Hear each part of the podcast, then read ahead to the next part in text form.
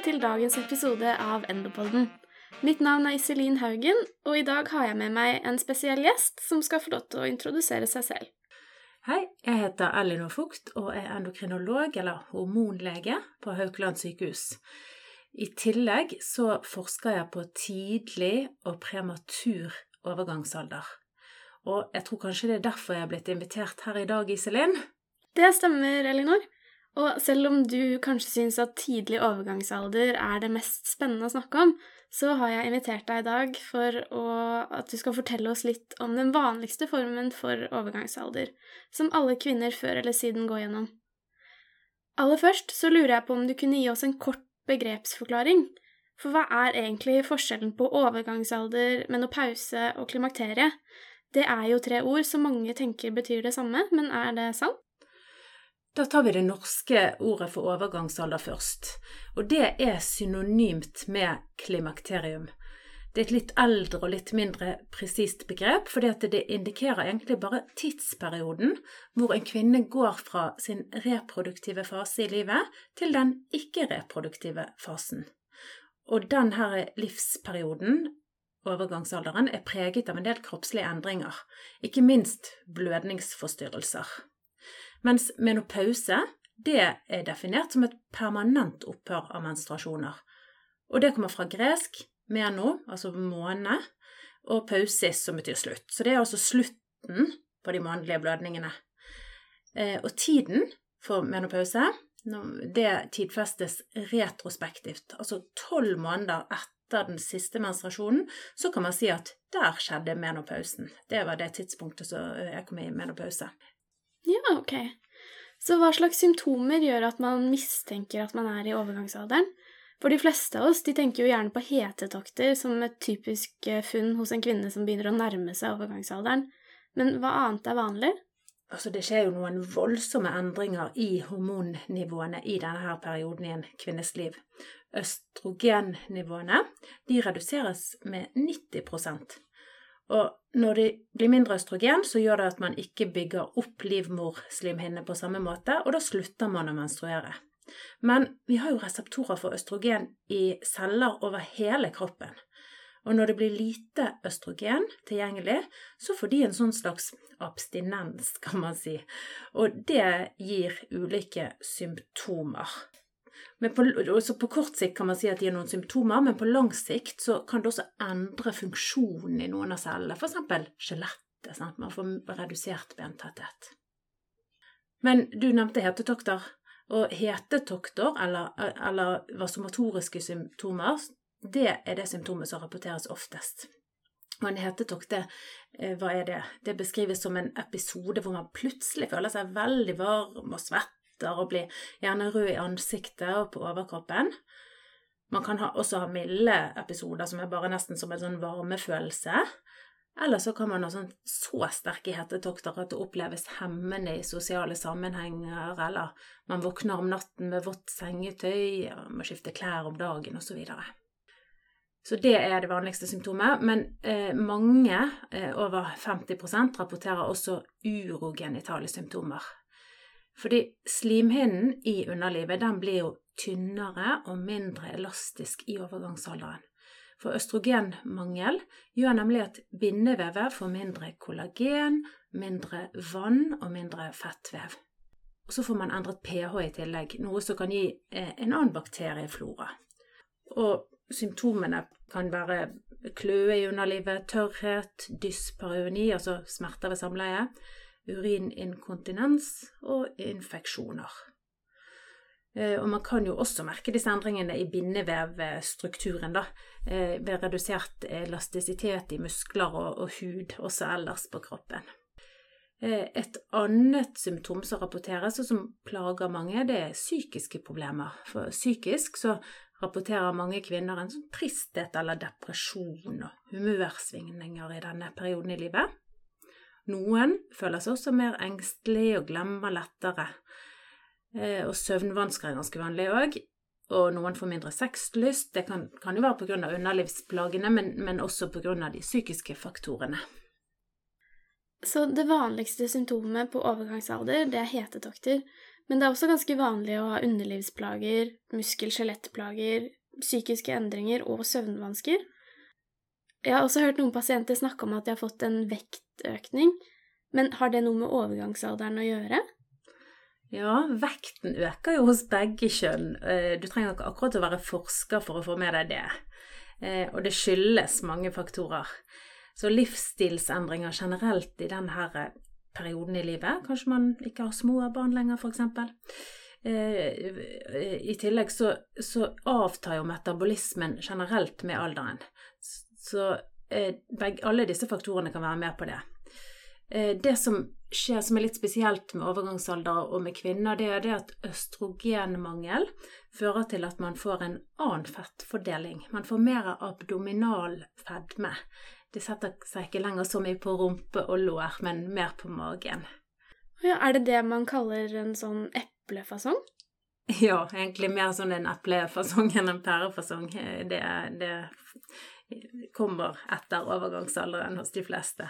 Men som sagt så er det jo flere faktorer som spiller inn, og akkurat det der med vektøkning eh, det skjer jo gradvis eh, midten, fra midten av livet og utover, og det er egentlig ikke relatert sånn direkte til hormonendringene.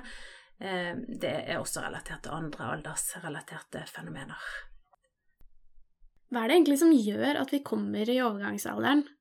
Og så har jeg et spørsmål, og det er om alle kvinner kommer i overgangsalderen? Er det noen som ikke kommer i overgangsalderen? Altså Svaret på det siste spørsmålet er at alle kvinner kommer i overgangsalderen dersom de har gått gjennom pubertet. Og de fysiologiske mekanismene som setter i gang eller trigger de to transisjonsperiodene i livet, altså pubertet og overgangsalder, er imidlertid veldig ulike selv om de spiller på det samme hormonsystemet, nemlig kjønnshormonaksen. Eh, så for å forklare eh, det som skjer fysiologisk, så må man, eh, man liksom minne dere på det der med hypotalamus og hypofyse og gonadeaksen. Og hvis dere trenger en oppfrisker for det, så har vi en podkast som heter Gonadeaksen, hvor vi går litt i dypet på det. Ja, og kortversjonen er jo det ganske enkelt. Sant? Hypotalamus stimulerer hypofysen til å produsere gonadotropinhormoner, altså FSH og LH, som så slippes ut i blodsirkulasjonen og stimulerer eggstokkene sine hormonproduserende celler til å lage kjønnshormoner. Og disse kjønnshormonene virker lokalt og modner egg til befruktning, pluss at de fraktes ut i blodsirkulasjonen og virker i kroppens øvrige celler. Og når vi snakker om kjønnshormoner, så, så snakker vi om østrogener, progesteroner og androgener, f.eks. testosteron. Eh, det er også ganske mange andre modulerende eh, faktorer og eggstokkhormoner inn i bildet, sånn som antimyllask hormon, AMH, og inhibiner, men eh, det blir jo kanskje litt komplisert. Eh, I puberteten da, så starter man jo på da starter det liksom på toppen. Da er det senteret i hypofysen som lager det, eh, de her hormonene som stimulerer hypotalamus, altså gonadotropinstimulerende hormoner. Det slås på. Og dermed så starter hormonkaskaden som ender i eggstokkene og fører til kjønnshormonproduksjon og modning av egg og, og, og gjennom menstruasjonssyklus, brystutvikling osv. Eh, I overgangsalderen derimot så starter det i eggstokkene. Så enkelt sagt så skjer det en kvantitativ reduksjon i eggstokkene sine reserver. Man går tom for egg og hormonproduserende celler, og da får man ikke eggløsning, menstruasjon stopper, og man får lave nivåer av kjønnshormoner i blodet, da, f.eks. østrogen. Så er det sånn at når hypotalamus og hypofysen oppfatter at det er lite østrogen og andre eggstokkhormoner i blodet, også kalt negativ feedback, så øker de produksjonen av sine hormoner igjen for å piske på eggstokkene eh, til å komme i gang og lage mer. Men det nytter jo ikke, for det, det er jo etter hvert tomt for hormonproduserende celler i eggstokkene.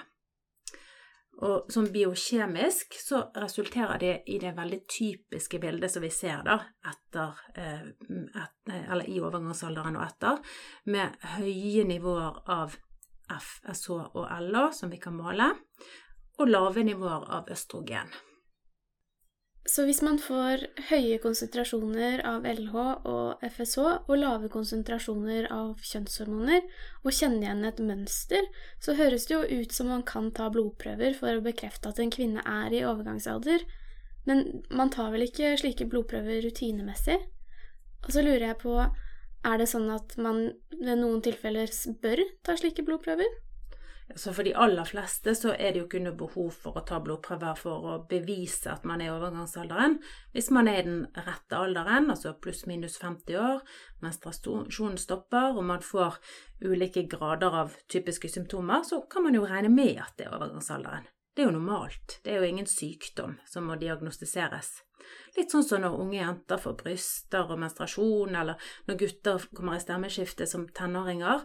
Da regner man jo med at det er puberteten, man, man tar ikke blodprøver for å sjekke det. Eh, men det kan av og til være indisert å ta blodprøver eh, for å sjekke det her typiske hormonbildet med høy FSH-LH og lav østradiol. Eksempel hvis tidspunktet for bortfall av menstruasjon er unormalt, om det er, hvis det er veldig tidlig eller veldig sent. Eller hvis man har symptomer på overgangsalder, som f.eks. hetetokter, selv om man fortsatt tar regelmessig menstruasjon. For det kan jo være andre ting enn overgangsalder som gir symptomer eh, også, så da kan det være greit å sjekke. Nå har vi jo snakket litt om hva som skjer biokjemisk når man kommer i overgangsalderen, men når er det vanlig å komme i overgangsalderen? Hvilken alder er det vi, vi er i da?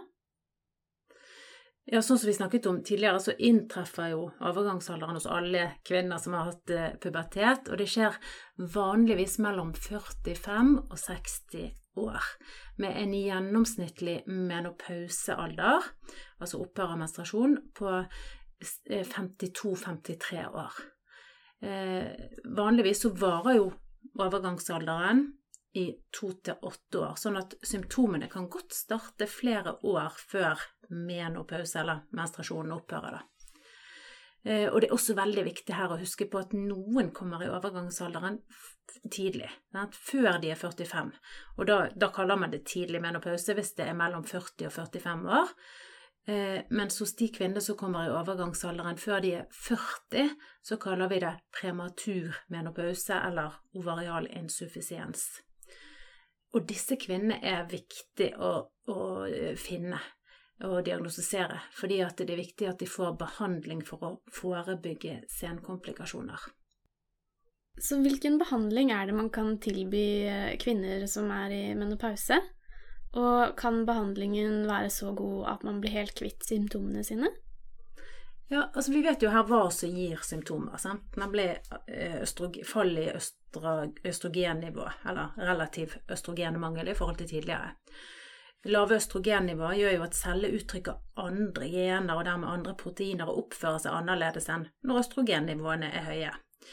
Eh, noe, eh, noe, kan jo gi litt sånn dramatisk effekt, sånn som hetetokter, mens lavt østrogen og det, det, det med hetetokter er litt interessant, for det skyldes jo at lavt østrogen i hypotalamus fører til en dysregulering av termostatsenteret. Det Skal mindre endringer i temperatur til for at eh, kroppen setter i gang med sånn motreguleringsmekanismer, f.eks. svetting og, og sånn.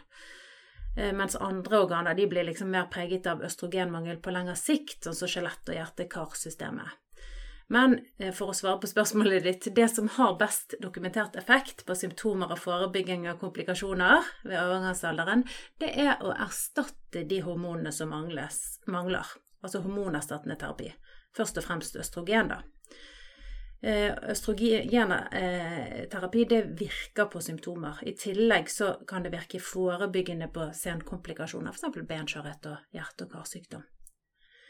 Og det fins utrolig mange typer østrogen, eh, og de kommer i ulike styrker, altså doser, og ulike administrasjonsformer, sånn som tabletter, eh, transdermalt i form av eh, gel, plasterspray, eller vaginalt, altså lokalt. Og fordi at østrogen også virker på liv, stimulerende på livmorslimhinnen, så er det viktig at kvinner som har livmor, samtidig bruker progesteron. For det hindrer celleforandringer i livmoren. Og progesteron det kan også tas enten som tablett og plaster eller spiral rett inn i livmoren. Behandlingen den må skreddersys til hver enkelt kvinne i forhold til hennes symptomer og hvor hun er i overgangsalderen og, risikofaktorer. Det fins jo andre hormonbehandlinger som kan brukes mot overgangsplager, ulike typer androgener og eh, også andre medisiner som virker på kjønnshormonsystemet. Så betyr det at dersom man administrerer østrogen vaginalt, at man kan få lindret symptomer som tørr skjede uten å bruke systemiske østrogener? Ja, lokalbehandling med østrogen det er det nok mange som kunne ha god nytte av dersom det er der symptomene sitter. Um, ved underlivsplager så virker jo det da direkte på slimhinnen og bindevevet i skjeden og, og, vulva. Ja, ok. Og det er jo en del pasienter som er litt skeptiske til å starte med østrogentilskudd. Og jeg har lest det at det kan føre til økt risiko for blodpropp, altså på samme måte som for p-piller og at det kan gi økt risiko for hjerte-karsykdom og for brystkreft. Eh, det er jo mange som er bekymret for, og kanskje velger da å ikke bli behandlet pga. dette. Eh, kan du si litt om det? Man skal jo alltid tenke seg om før man starter med eh, noe som helst medikamentell behandling, for alle medisiner som virker, de har jo også potensielle bivirkninger. og det er jo ikke sånn at overgangsalder er en sykdom. Man skal ha plagsomme symptomer eller økt risiko for komplikasjoner som følge av østrogenmangel. Eh, og grunnen til den skepsisen som du nevner, det er nok det at for ca. 20 år siden så kom det noen store epidemiologiske studier som viste at hormonerstattende behandling ved overgangsalder kunne gi økt risiko for eh, brystkreft og blodpropp og hjerte-karsykdom. Og dette medførte jo en kraftig nedgang i forbruket. Men senere så er det gjort utallige reanalyser av de dataene og mange nye studier som gir et mye mer modifisert bilde. Så i dag så vet vi at typen hormon, dosen og timingen, altså når de gis og hvor lenge de gis, har veldig mye å si i forhold til eh, komplikasjonsrisiko eh, for behandlingen. Så de hormonproduktene vi bruker nå i dag, de ligner jo farmakologisk mye mer på naturlig eh, hormon, og dosene er mye lavere. De er f.eks. mye lavere enn for p-piller. Eh, og østrogen, eller østradiol, som vi foretrekker da å gi, eh, gitt alene, det gir ikke økt risiko for brystkreft eller hjerte-karsykdom.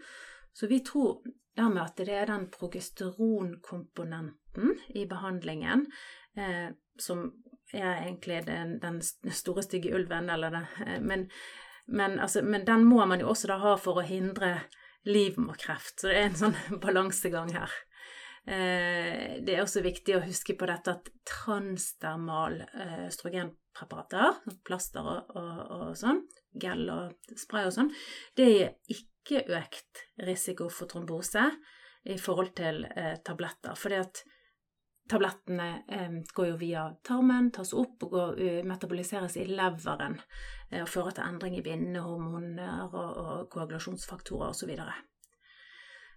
I dag er anbefalingen også å starte innen ti år etter menopause, mens tidligere i de her studiene som vi snakket om i sted, så startet man jo ved 6, 6, over 60 års alder. Men altså, det er en helhetsvurdering. For faktorer som røyk og daglig alkoholinntak og overvekt Det er jo alle forhold som øker risiko for brystkreft i minst like stor grad som menopausal hormonerstattende behandling. Eh, så det går an å redusere risikoen selv gjennom livsstilstiltak også. Eh, men, men, det å ha brystkreft eller en østrogensensitiv tumor, eh, det er en kontraindikasjon mot menopausal hormonerstattende behandling.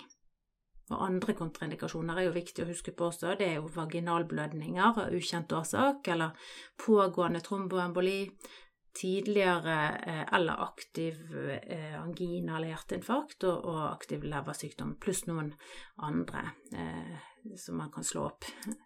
Altså, men, men, her er det altså poeng, eh, poenget egentlig at man skal skreddersy behandlingen etter symptomer og komplikasjoner og med, med selve menopausen, og risikofaktorer med behandlingen.